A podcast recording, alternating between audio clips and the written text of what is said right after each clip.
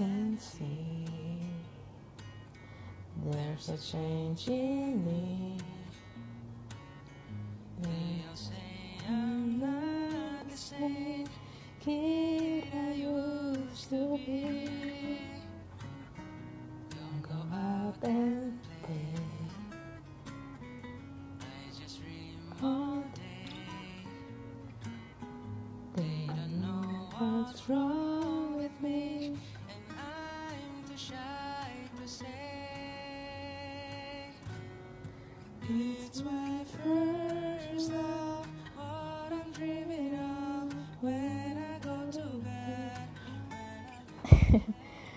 yang versi Ardito nggak ada ya di Spotify.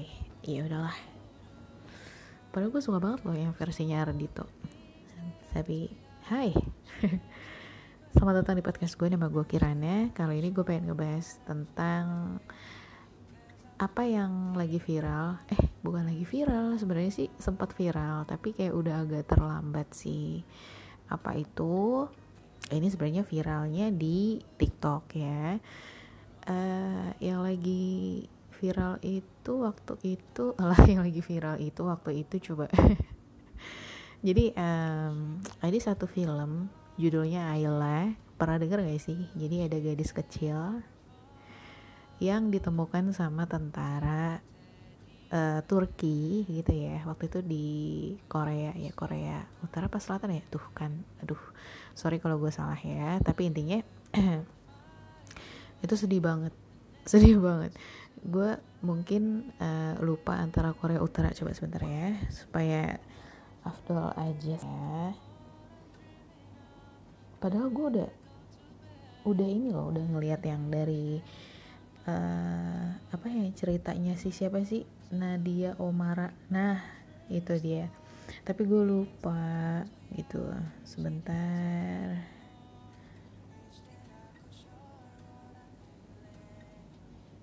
eh anjamnya perang Korea ya kan? Nah terus kan eh, itu kan filmnya itu antara tentara Turkinya itu namanya Sulaiman dan Ayla. Ayla itu dia nama aslinya adalah Kim Enja gitu. Itu eh, Ayla tuh katanya kayak cahaya bulan gitu loh artinya. Kayak gitu. Cuman sebentar gue cari ini Korea apa ya ya udahlah pokoknya gitu ya Kore- Korea Utara ya. Utara dan Selatan ini apa sih? Ya udah itu pokoknya. Nah eh, hal yang menyedihkan adalah kalau misalkan bagi yang belum tahu ya bagi yang belum tahu jadi eh, jadi si ini sedikit aja sih ya intinya si Ayla itu ditemukan ketika kedua orang tuanya itu sudah meninggal pada saat terjadi perang ya. Setelah semuanya udah selesai perang gitu terus kayak eh, tentara Turki kebetulan lagi menyisir daerah itu dan menemukan si Ayla itu. Nah kemudian Ayla itu diangkat sama si Sulaiman. Diangkat dalam artian tuh kayak eh, diurus sih. Sebenarnya sih kayak bareng-bareng gitu ngurusnya. Cuman kayak lebih chemistry-nya tuh lebih terbangun dengan si Sulaiman itu gitu. Dan akhirnya si Ayla dan Sulaiman itu kan semakin dekat. Terus juga Sulaiman mungkin di dalam benak hatinya gitu ya kayak udah mulai menumbuhkan eh tumbuh bukan menumbuhkan tumbuh rasa sayang gitu loh sama si Ayla. Dan akhirnya menganggap si Ayla itu seperti anaknya sendiri gitu. Singkat ceritanya seperti itu. Nah apa yang pengen gue ceritakan dari cerita si Ayla ini mengingatkan cerita gue ketika gue kecil. Memang nggak sama memang nggak sama tapi kasih sayang kayak rasanya kasih sayang orang tua yang yang gue rasakan dari orang lain yang bukan kayak saudara bukan saudara bukan siapa-siapa ini tetangga gue kalau misalkan si Ayla punya Sulaiman gue punya yang namanya Pak Dejon. Gitu. Dia bule eh, mix sih sebenarnya sih dia Belanda Indonesia gitu. Eh, pokoknya dia sebenarnya tentara juga. Kebetulan sama tentara juga. Terus tapi gue nggak tahu gimana ceritanya tiba-tiba dia itu mengubah profesinya dari dari anggota jadi uh, kuli bangunan gitu ya dan memang dia itu sudah terkenal dengan uh, tangan yang gimana ya kulinya tuh mantep banget gitulah ya. Mungkin karena dia ada darah Jawanya. Gue gak tau kenapa kuli Jawa ya memang bagus ya katanya ya. Ini kan uh, kayak bahasan-bahasan yang gue temukan di internet juga bahwa memang kuli, kuli Jawa tuh mantep banget. Nah si Pak De John, John ini memang di daerah gue ini udah terkenal. Dia itu yang paling bagus gitu loh kerjanya. Udah. Pada suatu hari gue uh, nyokap bokap gue itu lagi ngebangun tingkat ini nih tingkat ini yang sekarang gue tempatin sebagai tempat tidur ini. Dulu waktu gue kecil itu yang ngerjain itu Pak Dejon gitu ya. Nah di situlah ceritanya dimulai? Karena gue waktu itu masih sangat kecil sekali mungkin ada beberapa memori yang tidak tertangkap ya di otak gue bagaimana bener-bener yang detail-detailnya gitu ya mungkin ya mungkin tidak ada yang uh, tertangkap atau nggak lengkap gitu memori gue. Tapi gue akan cerita sesuai dengan apa yang gue tangkap lah udah pasti ya oke jadi gini. Waktu itu uh, eh, gue tidak ingat pasti kapan bener-bener kapan ya bener-bener kapan pertama kalinya gue ketemu sama Pak Dejon. Tapi yang gue ingat adalah uh, eh, gue dulu sering banget uh, memperhatikan dia ketika dia ngaduk semen ketika dia tuh kayak uh, ngerokok gitu. Lagi pokoknya yang lagi kegiatan kuli lah ya. Uh, terus dia manggil gue Minul. Minul adalah maksudnya tuh gue tuh dulu jadi gue tuh uh, anak kecil yang selalu dititipkan ke tetangga sebenarnya. Karena bokap nyokap gue kan kerja tuh ya. Gue tuh dititipin tadinya ya gue itu punya bibi namanya Umi Umi. Sebenarnya namanya bukan Umi tapi karena Umi itu udah kayak nyokap gue jadi gue manggil dia tuh Umi. Gue sama si Umi doang berdua gitu ya di rumah. Tapi kalau misalnya memang seandainya Umi lagi pergi pulang kampung atau ke mana gitu ya gue nggak tahu. Pokoknya intinya gue tuh sering banget dititip, dititipin ke tetangga-tetangga gitu. Jadi nyokap bokap gue kerja gue nya dititipin gitu. Nah uh, kebetulan rumah Pak Dejon ini cuman beberapa langkah dari rumah gue rumahnya ya. Terus dia selalu manggil gue Minul. Minul eh Minul Minul Minul gitu. Karena gue tuh lucu banget dulu tuh jadi rebutan tetangga-tetangga gue dengan dengan penampilan gembul gitu ya putih. Terus uh, mata gue belok rambut gue lurus tebel. Jadi gue tuh lucu banget dulu gitu loh. Jadi kayak anak-anak yang gimana ya ngegemesin lah gitu. Terus uh, di rumahnya Pak D sebenarnya Pak D itu orang-orang yang mapan gitu. Pak D John ini dia orang yang mapan. Dia punya mobil jeep yang itu sebenarnya sih dari kantornya dia sih mobil kantornya dia yang dulu gitu. Gue tuh sering banget diajak jalan-jalan pakai mobil jeepnya dia ke mana-mana aja. Misalkan ke bengkel atau kayak uh, ngapain aja lah pokoknya ya pengen beli apa kayak gitu. Dan gue juga deket banget sama istrinya Pak Dejon.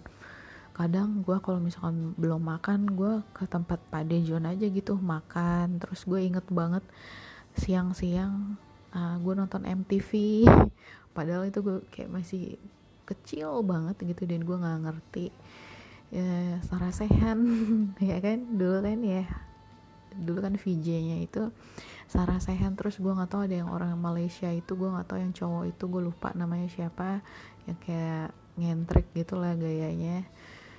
Itu yang paling gue inget banget gue nonton MTV sama anak-anaknya Bude uh, Bude Pade gitu.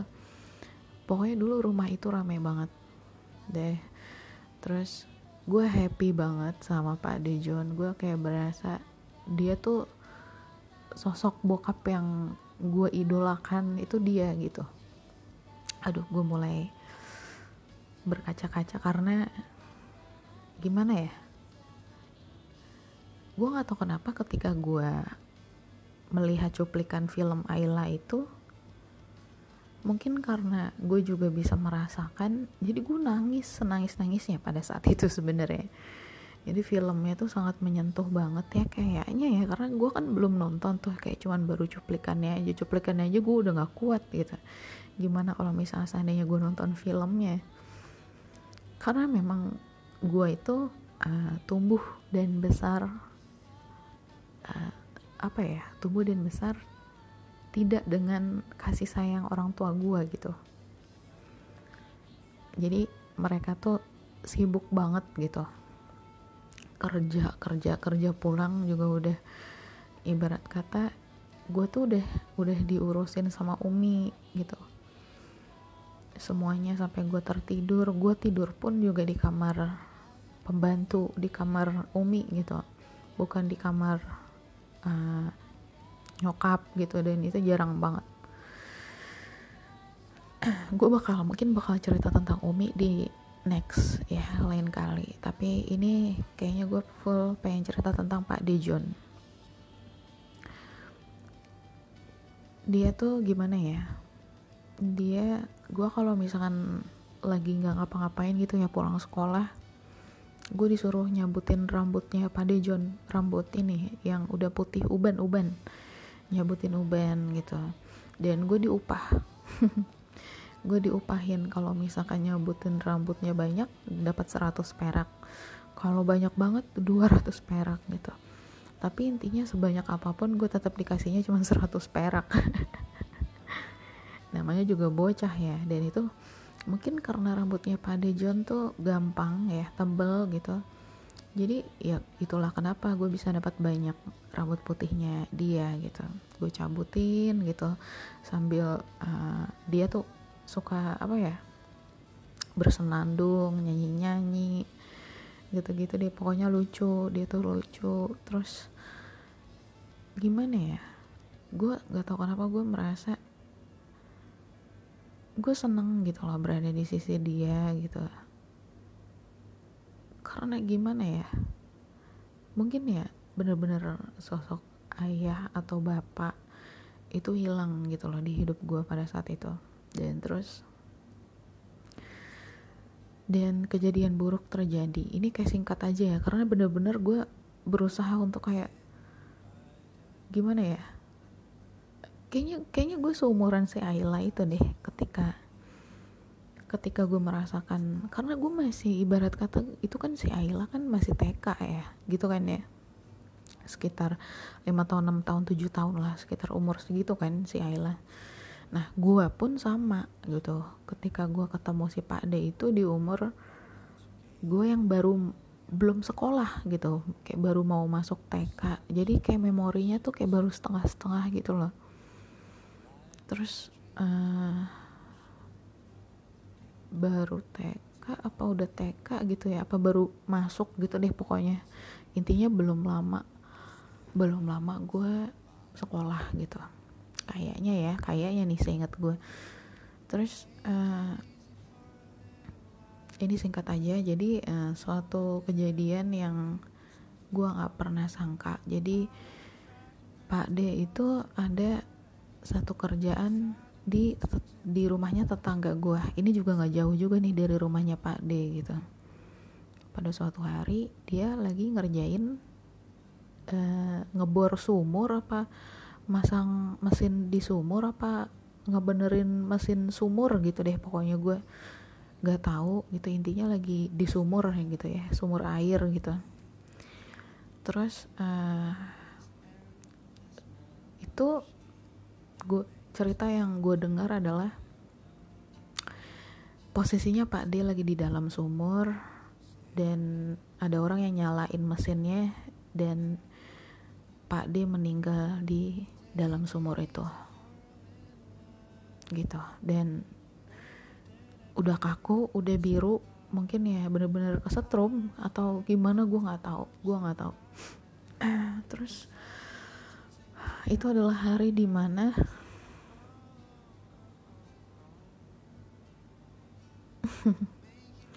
itu adalah hari di mana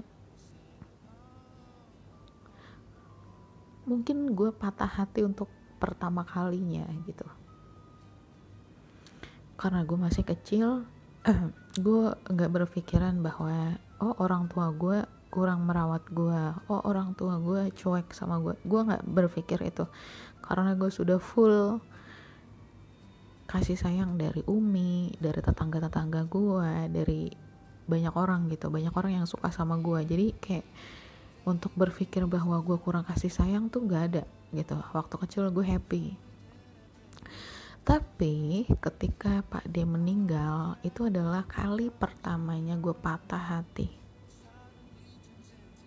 Benar-benar. Itu yang yang gue rasakan adalah anak sekecil itu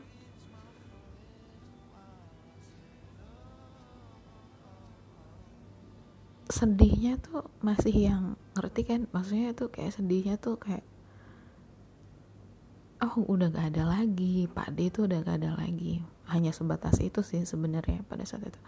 Tapi lebih ke gak jelas sih yang gue rasa tuh kayak Pak D udah gak ada um, gue sedih dan gue nggak tahu kenapa gue langsung mengurung diri di kamar selama dua hari. Gue nggak keluar keluar sampai nyokap gue tuh udah kayak makan dulu deh apa gimana gimana gitu. Gue nggak mau. Gue nggak mau. Pokoknya gue sedih. Gue nggak mau keluar kamar. Gue jadi apa ya sedih lah sedih sedih sedih sedih banget gue kalau ngelihat titik di mana gue pernah bercanda sama Pak D itu kayak gue langsung yang nangis gitu. Karena banyak banget spot-spot di jalan. Serius jadi memang kita tuh suka bercandanya di jalan gitu kan karena rumah kita kan deketan kan ya. Gue rumahnya perbatasan antara kampung dan komplek rumahnya Pak D di komplek gitu. Jadi kayak deket lah intinya deket lah ya. Nah kita tuh sering bercanda di komplek itu suka duduk-duduk di depan rumah orang suka jalan-jalan terus uh, mobilnya Pak D apalagi ya mobilnya tuh selalu di, di depan rumahnya gitu. Gue setiap keluar pagar rumah gue mobilnya Pak D itu udah kelihatan gitu. Jadi ketika gue keluar pagar gue rumah gue terus gue kayak ngelihat ke jalan komplek ada ada mobilnya dia. Gue tuh kayak sedih banget gitu. Sedih banget lah gitu. Jadi memori memori memori memori Allah memori memori itu yang memang tidak terbentuk secara sempurna tapi sangat berkesan itu membekas gitulah di dalam otak dan pikiran gue gitu Anjir, aduh, gue mulai bergetar nih. Hanyalah rindu yang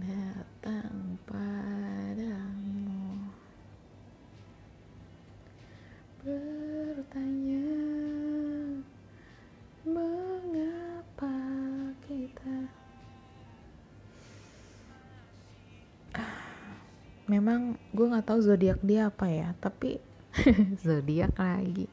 Ini kalau si Risa nih udah mual nih ngedenger kata zodiak gitu karena gue memang anaknya anak zodiak banget.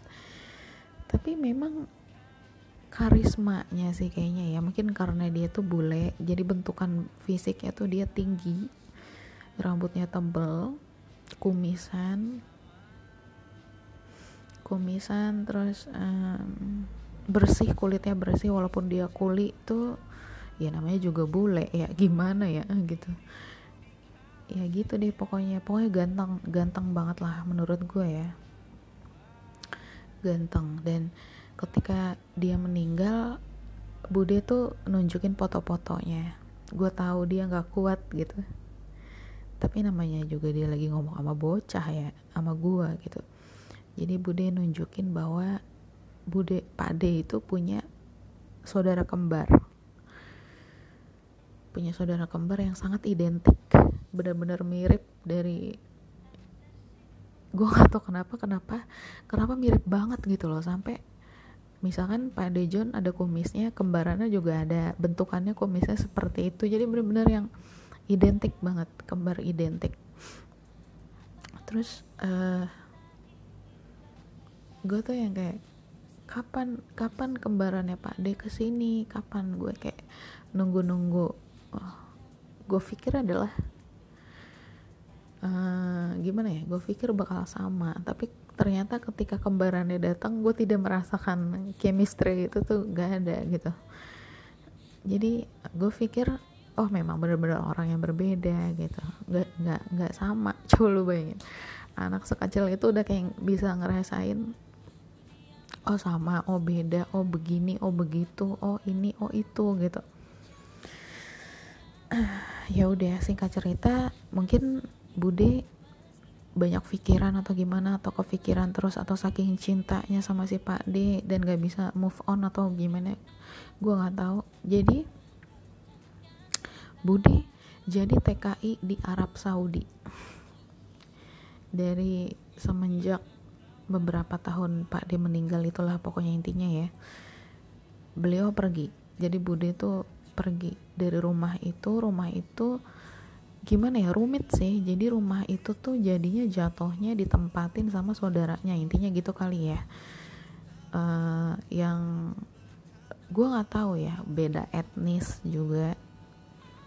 Etnisnya Tionghoa tiba-tiba nih ya yang nempatin rumah itu dia orang Cina terus uh, Kristen terus pokoknya gue nggak ngerti gimana silsilahnya gitu deh pokoknya intinya yang yang nempatin sekarang itu dia gitu. Apa udah dijual apa gimana gue nggak tahu. Gitu. Gue mirisnya tuh rumahnya jadi nggak kerawat. Dan gimana ya? Tapi masih sama sih gitu loh. Ngerti nggak itu tuh rumah itu tuh banyak banget kenangan. Rumah itu tuh gue senengnya untungnya walaupun memang gak kerawat semuanya tuh masih asli gitu loh dari bayangin ya dari pagernya masih asli masih yang dulu. Terus juga gue ngeliat karena kan gue waktu itu lagi nganter dagangan gue ya gitu. Jadi kebetulan si Cici sering banget beli uh, jualan gue gue kan uh, ada bisnis juga kan. Jadi gue nganter barang dagangan gue sambil gue kayak ngeliat-ngeliat ke dalam gitu tau gak sih? Aduh kayak yang ih gue dulu sering main di sini gue dulu uh, duduk di sini gue dulu. Terus itu kamarnya Mbak Nita itu kamarnya si Mas Agus terus itu tuh kamarnya Mas Hengki. Jadi di luar tuh kan dia kayak ada ada kayak kok bukan kontrakan sih pintu-pintu gitu kan. Nah itu kamar kamarnya tuh gue tahu banget. Kebetulan kan si Mas Hengki udah meninggal. Eh Mas Hengki apa Mas siapa ya yang meninggal? Pokoknya ada yang overdosis gitu. Jadi salah satu anaknya Bude itu ada yang overdosis meninggal. Terus tapi memang ada lagi satu lagi yang kerja di CIMB dia juga meninggal juga tapi gue gak gue nggak tahu kenapa gitu jadi ada udah dua orang yang meninggal. Tapi dulu gue sering main di situ dan anaknya tuh baik-baik banget sumpah sopan-sopan. Terus kayak bener-bener sayang sama gue gue diajarin nyanyi padahal cowok loh. Cowok gitu maksudnya tapi dia tuh kayak ngajarin gue nyanyi ngajarin gue baca terus juga kayak uh, makan makan terus kayak ditanya-tanya uh, suka makan apa? Bayam suka nggak? Gitu-gitu. Bayam ayam telur gue di diajarin gitulah. Pokoknya ini namanya bayam. Bayam tuh kayak gini-gini. Pokoknya nggak jelas deh. Dia tuh cowok tapi gimana ya? Baik lah baik banget gitu. Gue tuh kayak pas lagi nengok ke dalam rumahnya tuh mm, sedih banget gitu. Gue dulu di sini nyari di, di depan rumahnya dia kan ada kebun. Nah gue tuh dulu nyari apa ya capung yang kecil. Kan dulu capung kan macam-macam ya ada yang capung yang hijau ada yang kayak capung yang kecil banget yang kayak cuman kayak tulang terbang tulang tipis gitu terbang. Kan ada tuh gue nyari yang kayak gitu nyari yang capung. Sekarang mana ada capung sih? Nggak ada ya. Dulu masih banyak loh sekarang udah nggak ada. Gue nyarinya tuh di situ gitu. Wah gila sih terus gue suka diajak sama Pak D ke rumah kosong. Itu tuh kayak karena gini Pak D kan dia kuli ya kan? Nah dia juga punya bisnis perumahan gitu kan. Uh, ini rumahnya nggak jauh dari rumah gue dan gue juga diajak sama kakak gue juga. Jadi kita bertiga gue kakak gue dan pak D gitu. Uh, kita naik jeepnya dia padahal deket loh. Gaya banget gak sih kita naik jeep ke rumah yang kosong itu terus kayak ngeliat-ngeliat gitu. Jadi kayak padi tuh prepare untuk dijual gitu loh. Dia dia kayak ngeliat itu rumputnya udah tinggi gitu. Gue malah main lari-larian sama kakak gue di di rumah kosong itu kan. Di apalagi tamannya kan kayak luas gitu. Walaupun rumputnya udah tinggi tinggi kita malah kayak nyari apaan sih yang suka lompat-lompat itu? Bukan jangkrik apaan sih namanya ya? Belalang. Nah gue nyari belalang rumput yang hijau yang gepeng gitu lucu banget nih pokoknya sukanya loncat-loncat gitu. Gue senang banget nyari kayak gituan di situ gitu. Nah dulu kita nyebut rumah kosong itu namanya rumah oma. Jadi omanya udah meninggal. Tapi sebelum meninggal padahal gue deket sama oma gitu. Jadi gue pak D dan kakak gue tuh deket banget sama si oma terus kayak sering ngunjungin rumah itu gitu. Gue nggak tahu mungkin si pak D udah punya rencana atau gimana sama yang punya rumah atau gue nggak ngerti. Jadi mungkin udah ada omongan kalau misalkan oma udah nggak ada rumah itu tolong dijual gitu kali ya atau gue gue nggak ngerti lah. Intinya dari oma itu masih ada sampai oma itu udah meninggal gue lumayan sering main ke situ sama Pak D gitu pokoknya gimana ya kenangan sama dia tuh yang gue inget itu ya. Terus sekolah juga. Sekolah gue naik sepeda diantarin sama dia. Terus uh, jajan. Gue minta jajan padahal dia bukan bapak gue ya. Gue minta permen. Tapi enggak sih enggak yang terlalu sering karena gue bukan anak yang suka jajan juga sih. Jadi gue yang kayak diem aja. Kadang kalau misalkan gue pengen ya gue gue bilang pak D kirana mau permen ya dibeliin gitu. Udah gitu doang nggak beli yang macam-macam enggak sih walaupun pengen. Kan gue gitu ya. Pengen tapi gue nggak deh gitu. Nggak usah deh nggak punya duit gitu kan. Banyak banget kenangan. Jadi intinya dari cerita gue memang betul sih. Ini kan sesuai dengan kata Nadia Omar ya. Kasih sayang itu eh Nadia Omar apa? Siapa ya? Sorry kalau gue salah lagi karena gue nonton beberapa youtuber gitu kan. Jadi uh, ada yang bilang kayak gini kasih sayang yang rasanya kayak keluarga gitu belum tentu tumbuhnya tuh bener-bener dari keluarga yang sedarah gitu. Bisa jadi itu tumbuh dari orang lain yang memang tidak ada hubungan darahnya gitu. Bisa jadi tetangga lo bisa jadi siapa gitu orang asing gitu ya itu bisa jadi. Dan itu gue rasakan ketika gue punya hubungan sama Pak D gue punya hubungan sama Bude atau mungkin sebenarnya dengan tetangga-tetangga gue di sini gitu. Mereka tuh dulu ya tapi sekarang yang yang yang udah nggak ada sih. Kalau yang sekarang tuh tetangga-tetangga gue tuh tetangga-tetangga yang baru gitu loh bukan tetangga gue yang dulu lagi gitu. Ada yang udah pindah ada yang udah meninggal ada yang udah apa ya udah ya udah nggak peduli aja. Karena kan memang gue udah udah udah tua ya gitu. Udah 30 tahun gitu. Ya mereka juga udah yang gak, gak kayak dulu gitu. Tapi gue masih merasakan itu sih ketika apa ya ketika lebaran lebih tepatnya itu. Jadi gue masih tetap bersilaturahmi dengan tetangga tetangga gue gitu. Terus kayak yang kirana ya pun udah gede ya gini gitu kayak